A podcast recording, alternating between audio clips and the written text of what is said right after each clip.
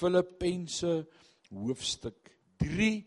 As die Here ons spaar, gaan ons volgende week probeer om 4 klaar te maak. Ons sal net sien. So oefen solank jou liedjie vir volgende week.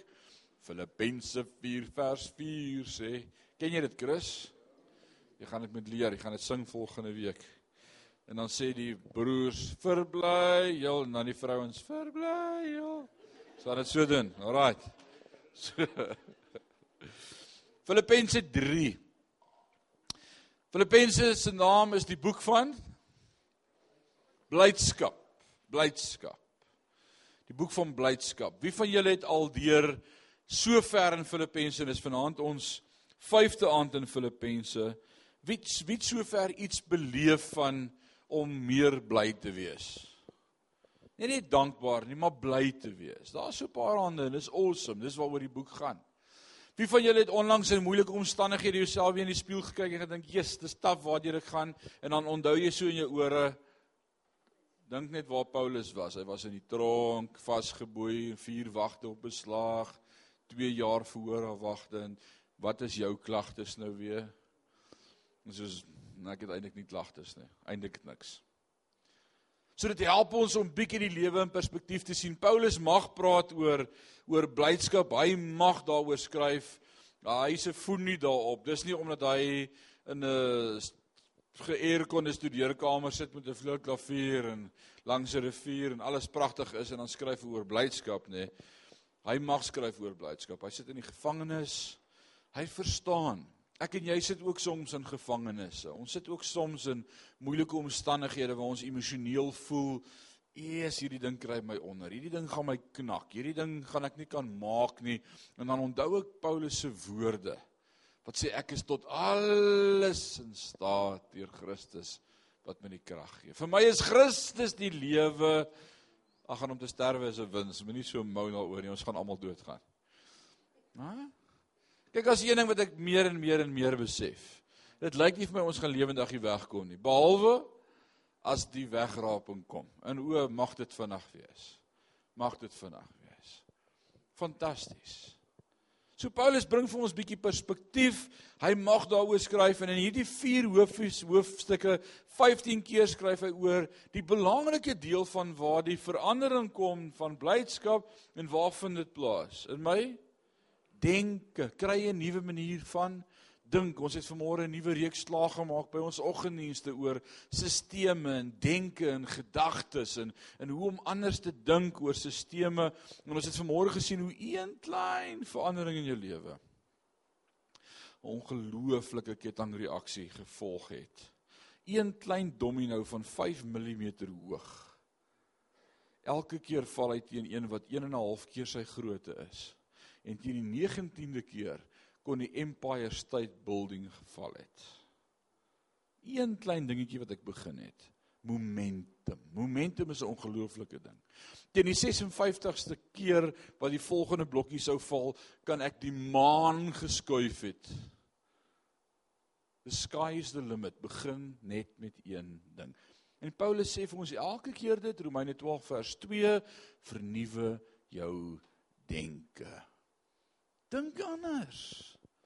As jy dink ag ek is net maar 'n pateet en ek sukkel nou maar hiermee en dis net maar hoe ek gemaak is. Paulus sê, "Hæ, dink anders. Groter is hy wat in my is as hy wat in die wêreld is. Ek is tot alles in staat deur Christus wat my die krag gee."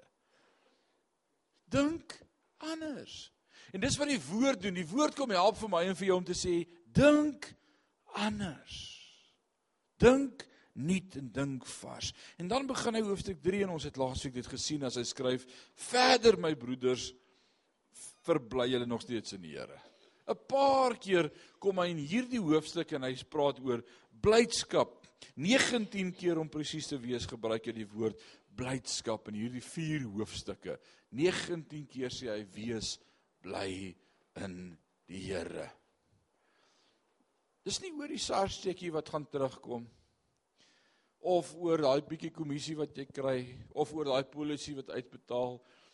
Dis dis tydelike blydskap. Dis opgewondenheid, dit gaan verby. Maar 'n blydskap wat blywend is, is wanneer ek anders begin dink oor my posisie in Christus. Want dit verander nie. Wie kan sê amen? Dit verander nie. Alraai. Ek wil vanaand afskop by vers 8. Ons was laasweek by vers 10 gewees. Kom ons begin weer van vers 8 af net om daai konteks te kry en daai lyn op te tel. As hy in vers 8 sê ja, waarlik, ek ag ook alles skade. Nou kan julle onthou hy het gepraat oor die die ander groep, die honde. Hy het hulle rowwe name genoem. Hierdie klomp Jode wat weer die besnydenis wil wil wil impose en afdruk en uh, hy skryf oor hierdie groep. Hy sê as daar een is wat wat weet van volmaak wees, dan sit ek. Ek het die letter gehou, die wet gehou tot op die letter. Ek was besny op die 8ste dag. Ek het geleer, ek was gehoorsaam, ek was 'n fariseer. As iemand kan praat, dan sit ek. Hy sê ja, waarlik, ek ag ook alles skade om die uitnemendheid van die kennis van Christus Jesus my Here ter wille van wie ek alles prysgegee het en as drek beskou om Christus as wins te verkry. Nou ek wil nie vanaand hierdie vraag vra nie, maar ek wonder as ek hierdie vraag vanaand sou vra om vir my en vir jou te vra, vir elkeen van ons, wie kan vanaand voor die Here sê ek het alles al prys gegee om Christus te behou? Ek dink nie een van ons kan regtig sê ek weet hoe dit voel nie. Ek dink nie een van ons in hierdie lewe kan skryf en beleef dit wat Paulus beleef het nie. Hy het alles verloor. He was educated. He was intelligent. He was a leader. And he lost everything for his faith. En nog steeds sê hy vir my is Christus die lewe. Ek en jy het soveel resources waarna ons kan vasklou. Soveel dingetjies wat dit vir ons gemaklik maak en wat ek nog kan wat ek het en en wat dit vir my en en tog dink ons so baie keer ons het niks. Kom ons wees eerlik. O, oh, ons sing daai song saam met wie wat sê ek sou kon doen met 'n miljoen. Ons sing hom in die oggend vir die Here en in die aand vir die Here. Dit is rarig. Maar weet jy wat? Dit gaan nie 'n verskil in jou lewe maak nie. Want Christus maak die verskil. Christus maak die verskil. Wie was daardie Hollandse dame Corrie ten Boom? Tweede Wêreldoorlog, sy Duitsers weggesteek in haar woning, 'n Hollandse dame Corrie ten Boom.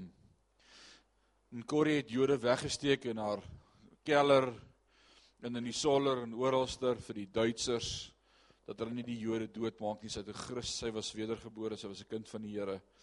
En toe arresteer hulle haar en gooi haar saam met hierdie klomp Jode in die konsentrasiekampe. En daar het sy amper omgekom.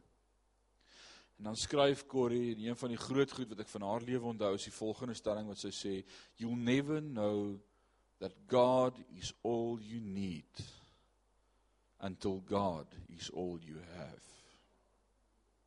Wow. Wow. Dit klink awesome vanaand, maar nie een van ons weet hoe dit voel nie. Sweet nie. Ek het soveel goed om waarop ek kan roem soveel goed waarop ons kan staat maak. Paulus het nie uit alles verloor en dan skryf hy nog steeds, hy sê bly bly, bly bly moedig, bly opgewonde in die Here want jy het meer as wat jy ooit sal verstaan. Dis asof hy dieselfde woorde uitroep van Corrie ten Boom en hy sê as jy Christus het, het jy die lewe. Dan kan jy sê ja, maar hierdie goed maak my dood en dan sê hy nee, maar om te sterwe is 'n wins. Dis oukei. Okay. Iets moet jou doodmaak. Jy al daaraan gedink? OK, laat ek nou nie vanaand 'n depro preek preek nie. Hy moet doodgaan van iets en hy sê hy sê tot dit is oukei. Okay. As hierdie gemeente om so antwoord te sê, maar hierdie dis dis is killing us. Partykeer sê ons mekaar, this thing is killing me. Hierdie ding maak my dood. Dis oukei okay. om te sterwe is 'n wins. Paulus skryf aan die gemeente in Rome voordat hy daar gekom het in Romeine 8, dan sê hy wat sal my skei van die liefde van Christus? Verdrukking, vervolging, haat, gevaar, naakte, owerhede, bose magte, hoogte, diepte, bose engele, boosheid of engele. Hy sê niks kan my skei van die liefde van Christus nie. Ek is van een ding verseker. Ek weet wie ek is in Christus en niks kan my van hom skei nie. Ons sing daardie gesang wat sê my enigste troos in lewe en dood is dat ek in Jesus Christus behoort. Deur sy kosbare bloed het hy my vrygekoop.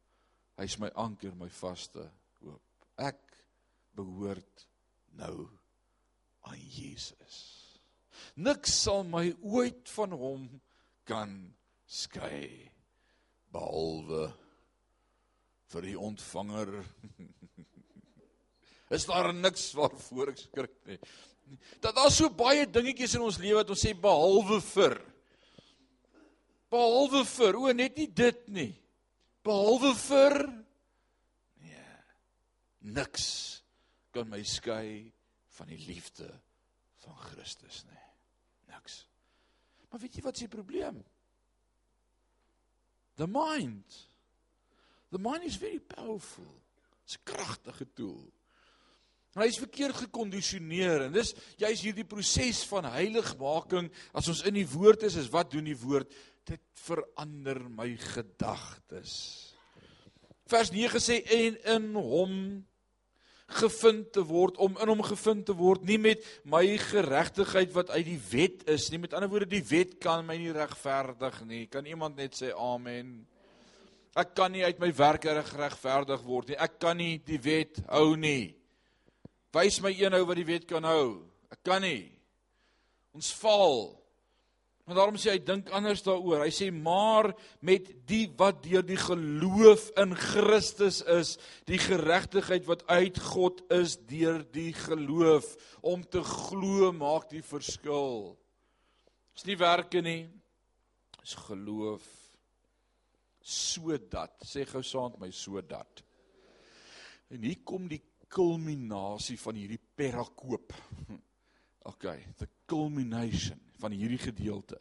Hy loop op hierheen. Paulus is 'n fenominale intellektuele man.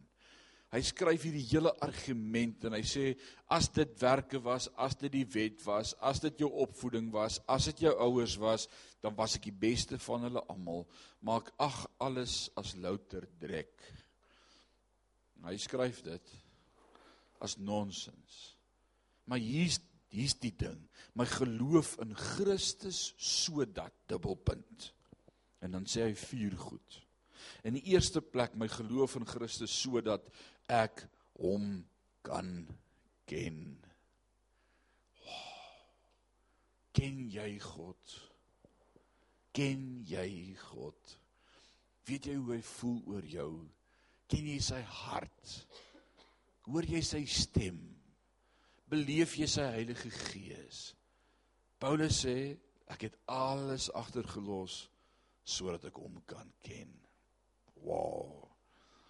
En die krag van sy opstanding en die gemeenskap aan sy lyde. Kom ons skiep dit is nie lekker nie. Terwyl ek aan sy dood gelykvormig word. Nee, kom ons skiep dit ook. Dis nie vir vandag se kerk nie, né? Ons wil hom net ken in die krag van sy opstanding. Maar hoor wat skryf Paulus? Hy sê as jy God regtig wil ken en jy sê God is alles vir jou.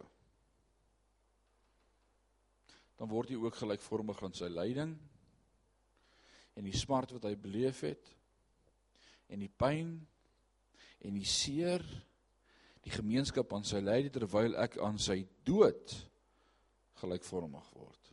Dis 'n proses in kind van God se lewe wat ons nogal mee struggle. Daai lyding, die lyde. Ons wil dit nie vat nie. Ons wil net lewe spreek en lewe hê en dit moet met ons goed gaan en dit moet voorspoedig wees. En as ons by hierdie goed kom, dan sê ons Paulus was bietjie van die pad af. Hier het hy dit verkeerd gehad. Paulus sê, ek is in alle opsigte aan hom gelyk, ook in sy lyding. Ek wil net van hom weet nie, ek wil hom ken. Ek wil hom nie teologies kan beskryf in al sy attribute, sistematiese teologie 101 van Gruden, net so dik boek, wil ek nie kan neerpen tekstueel en nog steeds nie in 'n verhouding met hom staan nie. Nee, ek wil nie dit letterkennis hê nie, ek wil 'n verhouding met hom hê. Ek wil 'n verhouding met hom hê. Baie keer weet jy baie van iemand, maar jy ken hom nie. Is dit nie so nie? Jy weet baie van hom, maak dit dat jy hom ken. Jy het nie 'n klou nie. Jy weet nie. Die ou mense het gesê jy ken nie iemand totdat jy saam met hom geëet het nie. Kan jy dit onthou? Het hulle so gesê? Daar was maar so sê ding. Of onbekend is onbemind. Ek weet nie, as hy eet dan Hoekom sê dit in die Elsie? Sewe sakke sout. Dis swaar so waar. Right.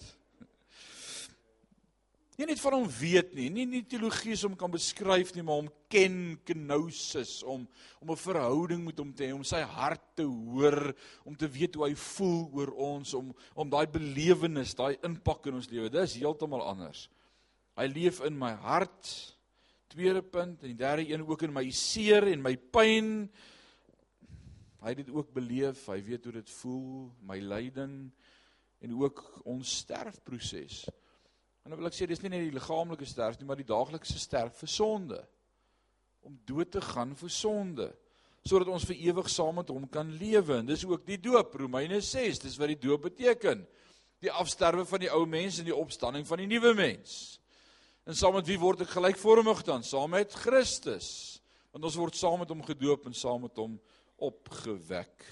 So wanneer ken ek hom regtig? Dan wil ek sê wanneer ek en jy deur moeilike tye gaan. Kan ek dit sê? Wie wie van julle is in hierdie jaar? Nou hierdie jaar is nou wat 5, 6, 7 weke oud. Wie het in hierdie jaar al tawwe dinge beleef wat soos regtig jy's deur moeilike goed. Steek gou jou hand so 'n bietjie op. Hou hou hom so 'n oomblik op. Weet jy wat s'ie awesome en ek wil dit vanaand nie net sê nie, ek wil hê jy moet dit bevestig. Is dat jy in hierdie moeilike tyd God beleef het dat hy by jou is. My anchor hold and grip the solid rock. In times like these I need a savior. Ken jy dit? In times like these I need a friend. Be very sure, be very sure your anchor holds and grip the solid rock. Jesus Christus is my rots. Maar ek weet dit nie totdat ek hom regtig nodig het nie. Ek dink ek verstaan wat beteken dit om afhanklik te wees van die Here. Ek onthou as kannetjie wat in die kerk groot geword het, waar was een koortjie waarvoor ek verskriklik baie bang was. Die ou mense het in ons kerk in die 3 jaar het vreeslik baie gesing in 1980 toe ek my verstand gekry het. Hulle het gesing my alles op die altaar wagtend wagtend op die vuur Kan jy dit onthou? O, oh, ek was so bang alles brand. Ek het nie daai koortjies saam gesing nie. Ek het net stil gebly gesê nee, sê ek wil dit sing, dis al. Weet jy wat beteken daai song? Dis wanneer die vuur in my en jou lewe kom wat ek ontdek wat regtig oorbly. Jesus praat, Paulus praat daarvan van ons lewens. Hy sê ons sal wees soos deur vuur en dan kom die gelouter en dan kom die goud en die silwer en die edelmetale na vore. Hy sê maar partykeer as ons deur daai vuur is, dan sit maar so skaf en soos gras wat verbrand. En ek wil vir julle sê dis wanneer ek en jy in die vuur kom wat ons agterkom wat is genuine in my hart. Is ek is ek opreg met die Here? Dien ek hom net oor dit met my goed gaan of het ek of het ek hom regtig lief? Of hou ek regtig vas aan hom? Ek wil vinnig so stukkie iets vir julle speel van een van my geestelike mentors by wie ek baie geleer het al in my lewe. En sy naam is John Piper. Hy's 'n oom van al diep in die 70 'n uh, fenominale leier, 'n uh, ongelooflike intellektuele akademikus, teologies en, en hy beskryf net so kort paar sinnetjies oor hoe moet ek en jy lyding verstaan. Lyding, suffering. En, en wat doen dit in my en jou lewe? En ek kan dit nie vanaand sê soos John dit gaan sê nie. So ek het hom genooi om dit self vir ons te kom sê. So byt vas, dis net 'n paar minute. Dis Engels, sorry, dis die hemelse taal, maar luister net. Dis mos die tale van mense en Engelse. Is dit nie wat Korintiërs 13 sê nie? O, engele. Maar luister net 'n oomblik na John en dan en dan gaan ons daaroor praat. Is dit reg? This is the fourth lab session on our series Five Purposes of All Human Suffering. The first purpose we looked at was Luke 13, 1 to 5, that God summons everybody to repentance through suffering, our own and others. Then we looked at 2 Corinthians 1, 8 and 9, that in our suffering, God intends for us to rely on Him to raise the dead rather than rely upon ourselves. And in Hebrews 2 6 to 11, God's purpose as a disciplining Father is that we share His holiness and the peaceful, peaceful fruit of righteousness. And now we turn to number four God's purpose for reward. 2 Corinthians 4 16 to 18. So, Father, as we look at these few verses, I pray that the glory of our eternal weight of glory would grip us and that we would see that the slight momentary afflictions that we must endure here cannot be compared to what you are preparing for us. So please take this down deep so that when our afflictions come, we will have utter confidence that you know what you're doing in working for us something great. I pray this in Jesus' name. Amen. We do not lose heart. That's so crucial. This whole unit here is intended to help us not lose heart in the midst of our suffering. We do not lose heart, though our outer self is wasting away, our inner self is being renewed day by day. For this light momentary affliction is preparing for us an eternal weight of glory beyond all comparison as we look not to the things that are seen, but to the things that are unseen. For the things that are seen are transient, but the things that are unseen are eternal. Though our outer self, our bodies, in other words, is wasting away, our outer self is wasting away. Now, what that tells us is that the suffering in view in this passage includes everything like losing your eyesight, losing your joints, lo- getting more stiff, being unable to walk, being unable to hear, losing your hair, uh, having to take thyroid medicine and all kinds of other pills. Th- This is a wasting away. And of course, the wasting away might be sudden, like it was for Paul, I'm sure, when he suffered so many imprisonments and so many sleepless nights and so many beatings and lacerations. This wasting away happened quickly. But don't fail to see this is everybody. Our outer self is wasting away, and that's a huge suffering. It's a huge trial. Our inner self, our spirits, our souls are being renewed every day, day by day. Now, what's the ground for that? Here's why there can be daily renewal in spite of this wasting away. For this light, momentary affliction. Really, really is preparing for us an eternal weight of glory beyond all comparison. So now notice light corresponds to weight, right? Light and heavy. And momentary corresponds to eternal. And affliction corresponds to glory. That's what we're supposed to see. So this light momentary compares to eternal or weighty eternal, and the affliction is going to be replaced by glory. And so, in all likelihood, what Paul has in mind by, by momentary is lifelong. In other words, all the process of wasting away. And the reason he calls it momentary is because the Bible views this like as a vapor. This life is a vapor. The wind passes over it. It's like a flower. The wind passes over it and it is gone. And it's momentary in comparison with eternal. And it's light. And you might say, oh, I don't think so. Johnny Erickson Tata has been in a wheelchair, what, for 50 years now?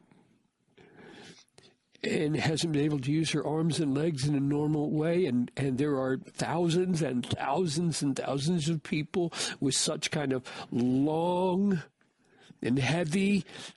At least from a human standpoint, they seem long, they seem heavy, but Paul is insisting no, compared to the weight of glory, this, this is a light affliction compared to eternity. This is a momentary affliction. We, we must look not to the things that are seen, because if we look to the things that are seen, this, this is not going to seem light. It's going to seem heavy. This is not going to seem momentary. It's going to seem 60, 70, 80 years of decay. But we look to the things that are unseen, namely the eternal weight of glory. Now, here's, here's the main thing that I want us to see. The verb connecting the light momentary affliction and the eternal weight of glory is is preparing. Kat er godzomai godzetai which means produce, cause, effect, bring about, or here, prepare. This, this is a verb that really implies, really says that this affliction is bringing about this glory. And the eternality and the weight of it is being affected by this affliction. So that means this affliction, no matter what element of your wasting away, losing your eyesight, losing your hearing, losing your ability to walk, losing in Alzheimer's, your ability to think is not just intended to have an effect here to cause us to rely on God and cause us to be righteous and cause us to repent. It has an eternal effect, and the effect is glory that increases in weight and becomes eternal because of this affliction. And here's one of the practical effects of that, at least for me. When I see people who are suffering a hundred times more than I am, and Paul is calling it light and calling it momentary, and I see it as 10 times, 100 times more than I have. I want to be able to say to them, you know what? Your affliction is really really working, really preparing, really doing something. The quantity of it is doing something. It is not meaningless. It's not inert. It's not the same as mine. It is really preparing something weighty and something glorious for you. And I will be very glad in the age to come to have God pour out something on you to make up for what you have suffered here that I don't receive an experience there, and you do because of what you didn't endured here. I want to be able to say that. I think that's implicit in this light, momentary affliction preparing, causing, bringing about this particular weight of glory that every one of us experiences. So I sum up the fourth purpose of all human suffering is reward. That if we will have it, if any human being anywhere on the planet would turn to God through Christ, all that suffering he would find is meant to bring about for us an eternal weight of glory beyond all comparison. Die dag as jy so kan Bybelstudie hou, nê, hoef nie meer woordskool toe te kom nie. Jy al so gedink oor een vers? sien jy hoe moet ons begin dink oor een vers? Staan alles daar? Is daar? Wat sê jy daarvan? Vir wie dit vanaand iets beteken? Om te sê it's busy preparing for me an eternal wait. Hou op om so te kla. Dink anders. Volgende keer as jy so deur hierdie moaning grounds wil gaan, it's busy preparing an eternal wait. En dit het Paulus verstaan. Hy verstaan dit want dis waaroor hy skryf en hy sê dis hierdie vier goed wat belangrik is sodat ek hom kan ken en die krag van sy opstanding en die gemeenskap aan sy lyde terwyl ek aan sy dood gelykvormig word. Hy dit verstaan. Daarom kan hy sê wees bly in die Here. As jy nie die Here het nie, waaroor gaan jy bly wees? Beslis nie oor jou omstandighede nie. Maar as jy verstaan wat hierdie omstandighede besig is om te bewerk, dan wil jy amper sê bring dit aan. Bring dit aan. Ek wil meer hê. En daarom sê hy vir my is Christus die lewe en om te sterwe wins. Ek kan nie wag nie. Jesus, jy moet iets gebeur met ons gedagtes. Is dit nie so nie? Hoor wat sê vers 11 of ek miskien die opstanding uit die dode kan bereik. Die idee hier is in die opstanding ek wil graag die volle lewe bereik om voluit te lewe. Wie kan sê amen? Om voluit te lewe. Vers 12 sê nie dat ek dit al verkry het of volmaak is nie, maar ek jaag daarna of ek dit ook kan gryp omdat ek ook deur Christus Jesus gegryp is. Hy sê ek is nog nie volmaak nie, ek is nog 'n vleeslike mens, maar ek jaag daarna met die doel om hom ten volle te mag ken. En ek dink dis hoekom ons by woordskool is. Dis hoekom ons in die woord is elke dag, want ons wil ook sê ek wil hom ten volle ken. Ek is nie happy met my posisie nie. Ek wil meer hê van hom. Hy Wikus? Ek ek kan nie net sê nee wat, nou het ek genoeg. Hierdie Christendom is my comfort zone. Ek het my kerk. Nee, nee, nee. In hierdie verhouding met hom wil ek meer hê. Ek wil hom ten volle ken. Kan ons hom ooit ten volle ken? Ja, ons gaan surprise wees enig as ons hom sien. Wanneer ons in een oomblik verander word. In een oomblik. Want hy sê ons kyk nou soos in 'n spieël en 'n raaisel en ons weet nie. Hy sê maar eendag in een oomblik sal ons weet. Wow. En dan sê hy vers 13 hy sê broeders en seker susters ook gemeentelede sal die meer moderne woord wees. Ek reken nie dat ek dit self gegryp het nie, maar een ding En hier kom 'n belangrike ding vanaand. En ek wil dit vir jou vanaand voorhou. En hier's klaar hier voor. Hier kom hy. Ek vergeet die dinge wat agter is en strek my uit na wat voor is. En jaag na die doel om die prys te verkry van die hoë roeping van God in Christus Jesus. En ek wil sê hier's een van ons eie eh, hindrances, kan ons so sê. Hier's een van my van van die dinge wat my terughou in die lewe is ek vergeet nie die verlede nie. Kom aan, praat met my daaroor. Ons hou boek. Ons onthou. Jy kan hoe oud wees, maar as ek met jou sit en praat oor seer in jou lewe of wat of jy maak jou hart oop, dan sal jy begin met toe ek 'n seentjie was.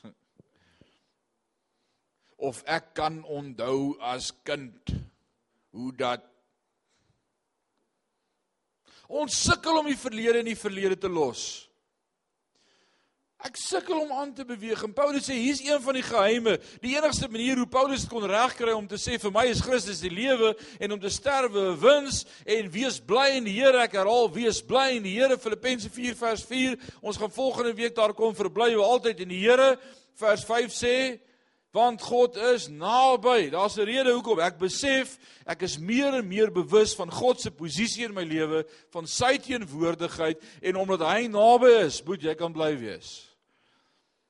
Want selfs in my pyn en my suffering en in my ellende en in my nood en in my krisis, weet ek een ding, hy hou my vas in die holte van sy hand. Ek is daarvan meer verseker as ooit van tevore. Maar ek sou dit dalk misgekyk het as ek aanhoudend teruggekyk het na die verlede. Dalk is Alzheimer nie so slegte ding nie. Dalk moet die Here vir ons geestelike Alzheimer gee om te help om te kan vergeet. Om te vergeet wat verby is. Ons sleep saam met ons soveel hartseer en pyn vir jare. En ons kan nie dit laat gaan nie. Stamp gou aan die ou langs jou en sê vir hom just let it go. Just let it go. Los dit net. Dalk moet jy nie aan jou man stamp nie, stamp aan die een en die ander kant. OK, laat iemand anders aan hom stamp. Veral daar in daai ry met die rooi. Alraai. So Hy sê ek vergeet die dinge wat agter is en ek strek my uit na die dinge wat voor is. Nou sê gou vir my in Paulus se omstandighede. In die tronk wag vir keiser Nero om hom te sien. Vier soldate op beslag aan hom vasgeketting. Ek dink hy het 'n pretty goeie idee gehad van hy gaan die dood in die oë staar een van die dae. En wat sê hy vir hierdie gemeente? Ek vergeet alles in die verlede. Ek strek my uit na wat voor lê. Dis iemand wat vergenoeg is met sy omstandighede. And I want to say he's embracing the future. As jy gaan bang wees vir die dag van môre, gaan jy nie die volheid lewe nie. Gaan jy ook nie God se volheid beleef nie. Maar Paulus kan in sy menswees, in sy krisis voluit uitsien na die dag van môre en God ten volle beleef want hy's nie bang nie. En dan wil ek sê dis een van die goed wat my en jou blydskap kom steel nogal is vrees. Can can we say that? Vrees? Vrees steel my blydskap in die Here. Wie weet vrees is nie 'n werklikheid nie.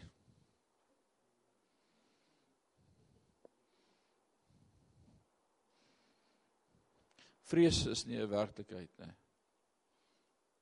Die slim mense sê 9 van die 10 goed waarvoor jy wakker lê in die aand gebeur nooit met jou nie.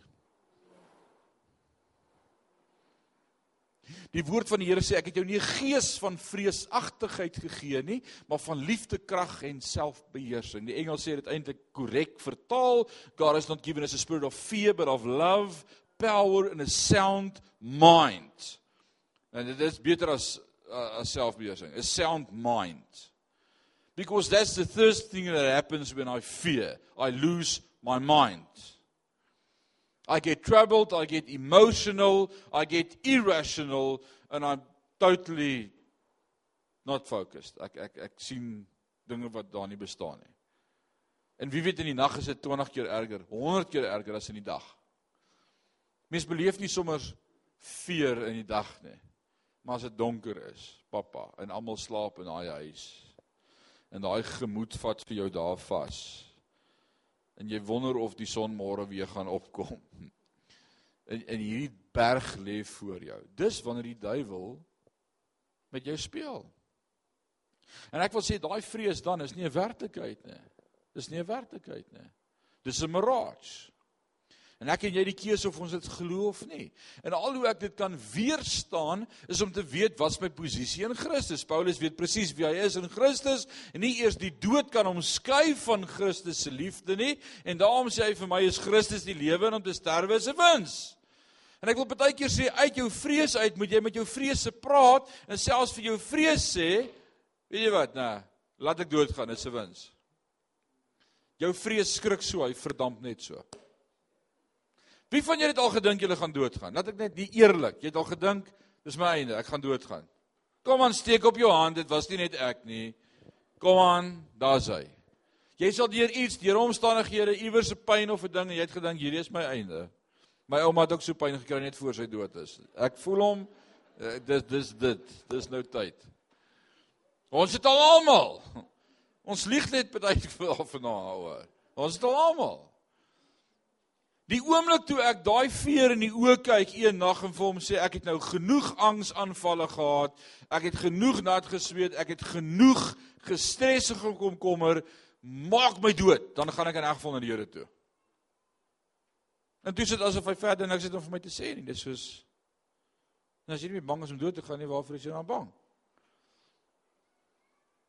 En dan draai jy om en jy slaap verder. Weet jy wat is deel daarvan om met in die oë te kyk en te sê maar nie eers dit kan my skei van Christus nie. Vrees is nie van die Here nie. En Paulus verstaan iets as hy kan sê wees bly in die Here. Man moenie so bang lewe nie. Die Here het nie 'n klomp bangbroeke gemaak nie. Hy het ouens gemaak wat dapper is. Wat wat wat God in alles raak sien. Hy sê vergeet die dinge wat agter is, strek uit na die dinge wat voor lê. Hoor wat sê vers 15, laat ons almal dan wat volmaak is, so gesind wees en as jy anders gesind is, sal God dit ook in julle openbaar. So laat ons almal dan wat volmaak is. Hy het nou net gesê ons is nog nie volmaak nie. Paulus het net van homself geskryf en gesê ek ek ek ek uh, self besig om te fight vir hierdie goal, maar ek is nog nie daar nie, maar ek is op pad en dan skryf hy laat ons almal dan wat volmaak is. Paulus sê ek's volmaak. Rarig Paulus. Dis dit dieselfde man wat in Romeine 7 skryf en dan sê hy die dinge wat ek nie wil doen nie, dit doen ek en wat ek wil doen, dit doen ek nie.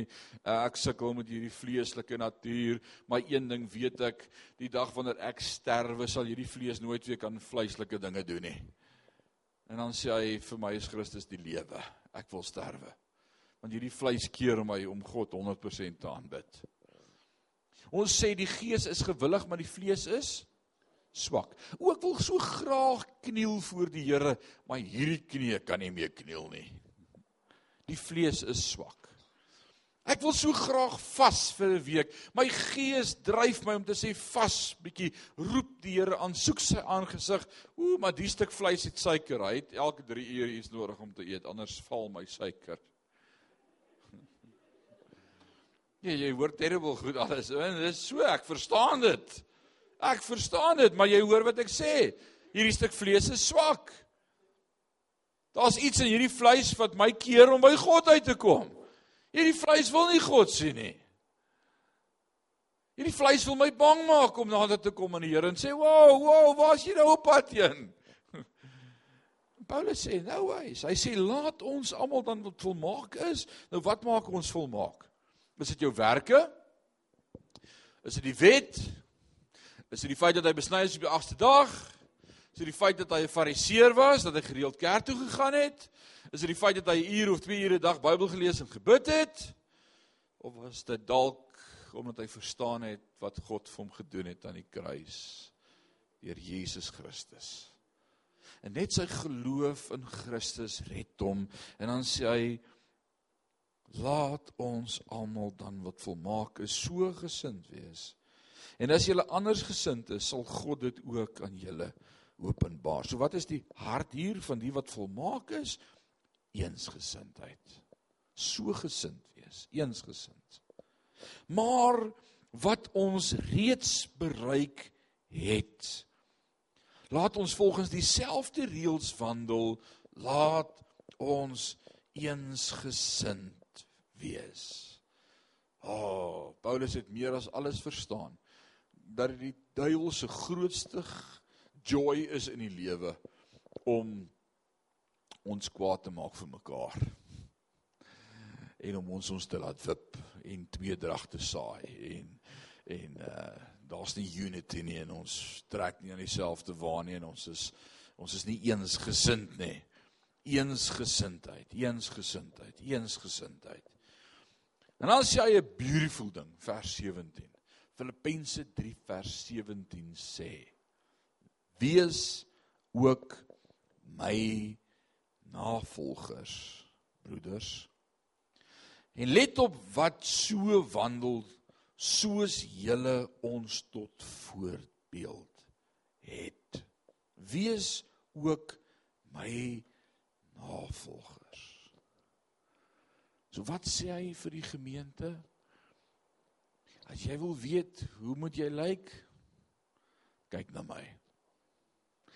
Kan jy vanaand vir die een langs jou of die een agter jou of die een by jou huis of jou man of vrou of kinders sê wil julle weet hoe moet julle lyk? Kyk na my. Oh, dis 'n awesome stelling. Kom aan ouens, julle is al lank by woordskool. Julle moet mos kan doen vanaand nou al. Jy weet hoe moet jy lyk? Doen net wat ek doen. Jy wil weet hoe lyk 'n volmaakte mens? Isak. Doen net wat ek doen. Ek onthou daai Standard Bank advertensie toe business banking net uitgekom het en dit was hier gewees in 2001, 2002 rond toe het, uh Standard Bank Business Banking baie geld belê in advertensies en die business internet banking het net uitgekom. Dit het hier in 99 begin. 'n Nuwe ding, né? Kan jy onthou ons is al 21 jaar op business banking. Kan jy dit glo? Vandag het jy dit sommer op jou foon en woep woep woep daar betaal jou rekeninge. Maar toe was dit nog 'n groot ding. En Standard Bank het 'n ongelooflike fenominale advertensie gehad. En het gesê as jy Standard Bank se business banking gebruik, gaan jy meer tyd hê om die dinge in die lewe te doen wat vir jou lekker is. Want werk gaan vinniger wees as om spul checks uit te skryf en te rekonsilieer. En dan het hy hierdie pa gehad, hy het so wit T-shirt aangetree met so 'n wit kniebroek wat opgerol is tot bo sy knieë en dan stap hy met 'n visstok op sy skouer en dan stap hy so op die strand. En dan neem die kamera hom eers so af waar hy stap heel chillax soos wat wil sal sê. Dis nou 'n woord tussen relax en chill, chillax. En dan stap hy nou met hierdie visstok so op sy skouer, rustig en dan gaan die kamera so agter hom en dan staan so 'n klein kannetjie wat saam met sy pa op die strand loop. Maar hy moet seker groot tree gee om in sy pa se spore te trap, want hy trap net in sy spore. Want hy seker groot tree gee en hy stap so agter sy pa aan. Hulle gaan visvang. En die eerste dag wat ek daai advertensie sien op TV, toe sê die Here vir my Filippense 3 vers 17. En ek sê, "Wat? Wees ook my navolgers broeders. En die Here vra vir my, kan jy vir ander mense sê trap net in my spore? Dan gaan jy daar aankom. En dan sê ons nee Here, ons sê mos vir ons kinders, doen wat ek sê, moenie doen wat ek doen nie. En die Here sê dit moet verander, dit moet wees doen wat ek doen. Doen wat ek doen. Paulus sê, doen wat ek doen dan gaan jy dit maak. Ouens, dis 'n vingerwys vir ons vanaand. Hoe baie keer wil ons vir ouens preek en sê wat moet hulle doen want ons weet wat se reg te doen, maar ons doen dit self nie. Paulus sê: "Ag oh, nee. Doen net wat ek doen. Dan gaan jy daar aankom." Mag die Here ons help dat ons ook op daai plek in ons lewe kom. Sal dit nie amazing wees nie.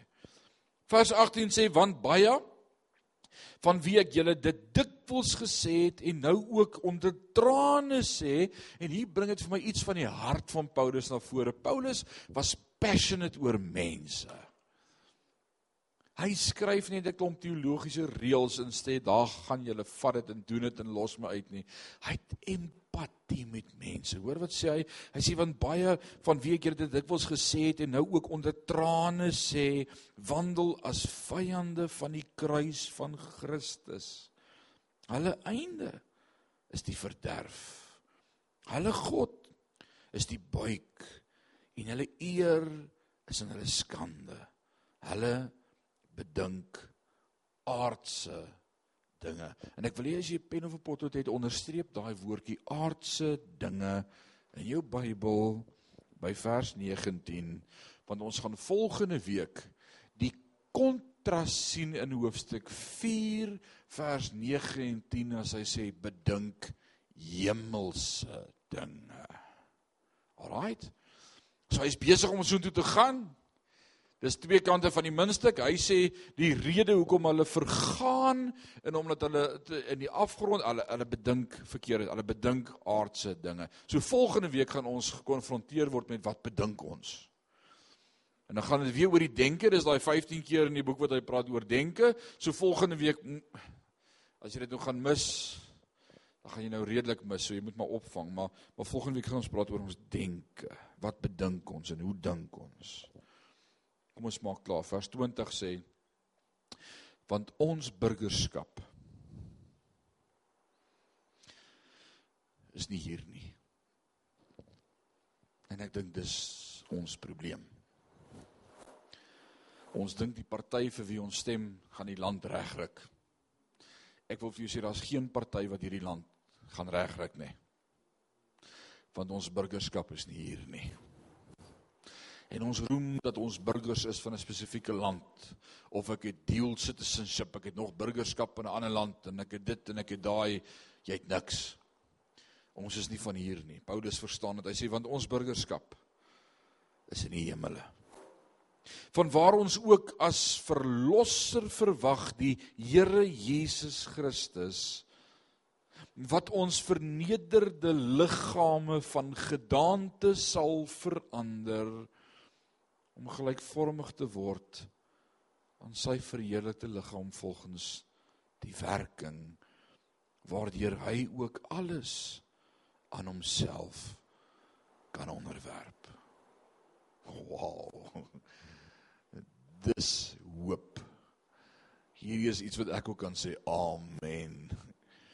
Onthou die stryd tussen die vlees en die gees, net gou geweer daai lyn trek, die sondeval meer as een effek gehad of gevolg gehad. Wat was die effek van die sondeval? Wat was die straf?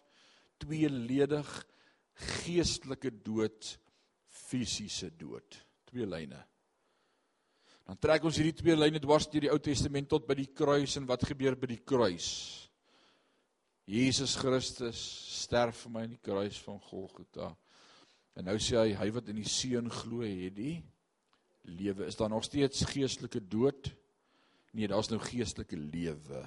Maar wat gebeur met my aardse vlees? Gaan hy nou vir altyd lewe? Gaan hy nie dood nie word en nie siek nie? Hy's volmaak. Wat gebeur met hom? Paulus sê my gees behoort aan die Here, maar my vlees it's carnal. Hy gaan sterf. Is decaying. Ons het dit nou net gesien in Korintiërs. Ons vlees gaan elke dag agteruit. Alraight. Nou wat skryf hy hier? Hy sê van ons vernederde liggame van gedaante sal verander om gelykvormig te word aan sy heerlikheid, aan sy verheerlikte liggaam volgens die werking waardeur hy ook alles aan homself kan onderwerp. Hy sê daar's een ding wat nog gaan gebeur as ek sterf en daarom kan ek sê vir my is Christus die lewe om te sterwe 'n wins. Want as ek sterf, gaan hierdie stuk vleis ook aan die Here behoort. Wow. Jy wonder hoekom sukkel jy so met jou stuk vleis? Hy het nog 'n vleeslike natuur. Ja, my hart behoort aan die Here. Ek is wedergebore. O, ek praat met hom in die nag en ek praat met hom en ek kommunikeer met hom en ek beleef hom en ek ervaar hom en ek sien die woord en ek groei en ek's 'n geestelike reus, maar hierdie stuk vleis rebelleer met alles wat in hom is. En dan kan ek sê, weet jy wat? Die dood gaan jou regryk. Ah, dis amazing. Jy al so oor die dood gedink? Die dood gaan hierdie stuk vleis regryk. Sodat hy ook deur Christus verbind mag word. Wow! Amen. Amen. Kom ons bid saam. Vader, U woord is wonderlik. U woord is kosbaar. U woord leer ons.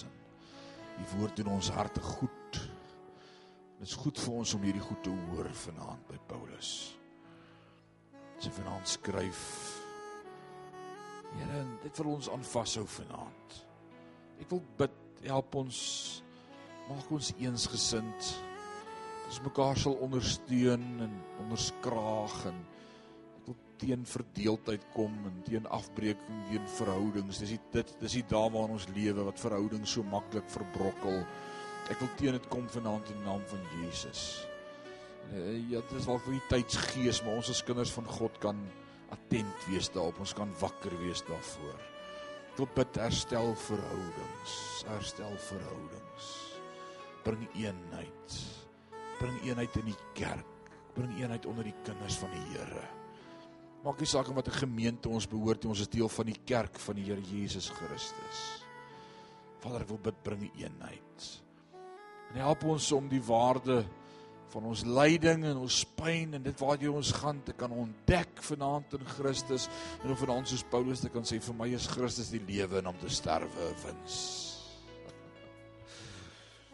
Ek behoort nou aan Jesus. Wat sal my ooit van hom kan skei? Deur sy kosbare bloed het hy my vrygekoop. Hy is my anker, my vaste rots. Dankie Here dat ons die lewe mag hê. Help ons om die verlede te vergeet. Help ons om ons uit te strek na die dinge wat voor lê. So vanaand bely Here ons hou gedurig boek van die verlede en dalk boek van die kwaad en ons sukkel as mense daarmee om vorentoe te beweeg. Help ons. Maak ons vry van ons verlede. Maak ons vry, maak ons vry. Hierdie week wil ek bid Vader, hou ons vas in die holte van die hand. Mag ons hier beleef en ervaar en weet dat U naby is. Dankie dat U U woord vir ons oopbreek. In Jesus naam. Amen. Amen. Here seën julle. Dankie dat jy ons volg hier op Kruiskyk. Hierdie diens sal herhaal word maandagooggend om 6:00. En elke Sondag tussen 12 en 1 sal ons 'n splinter nuwe diens uit. As jy wil hê iemand moet saam met jou bid of jy's geraak deur die diens vandag, laat weet ons asseblief. Gesels gerus met ons op WhatsApp. Die nommer is onder aan die skerm. As jy meer wil weet van Sion, soos bankbesonderhede of dienstye, gaan soek gerus ons webblad www.siongemeente.co.za. Volg ons elke Sondagoggend om 9uur op Facebook vir 'n lewendige uitsending. Daar is ook Sion Gemeente Woordskool op YouTube waar ons al reeds 4 boeke van die Bybel vers vir vers gedissekteer het om by God se waarhede vir ons lewens uit te kom. So gaan kyk gerus daarna. Elke preek en elke reeks wat by Sion gepreek is, is beskikbaar op SoundCloud.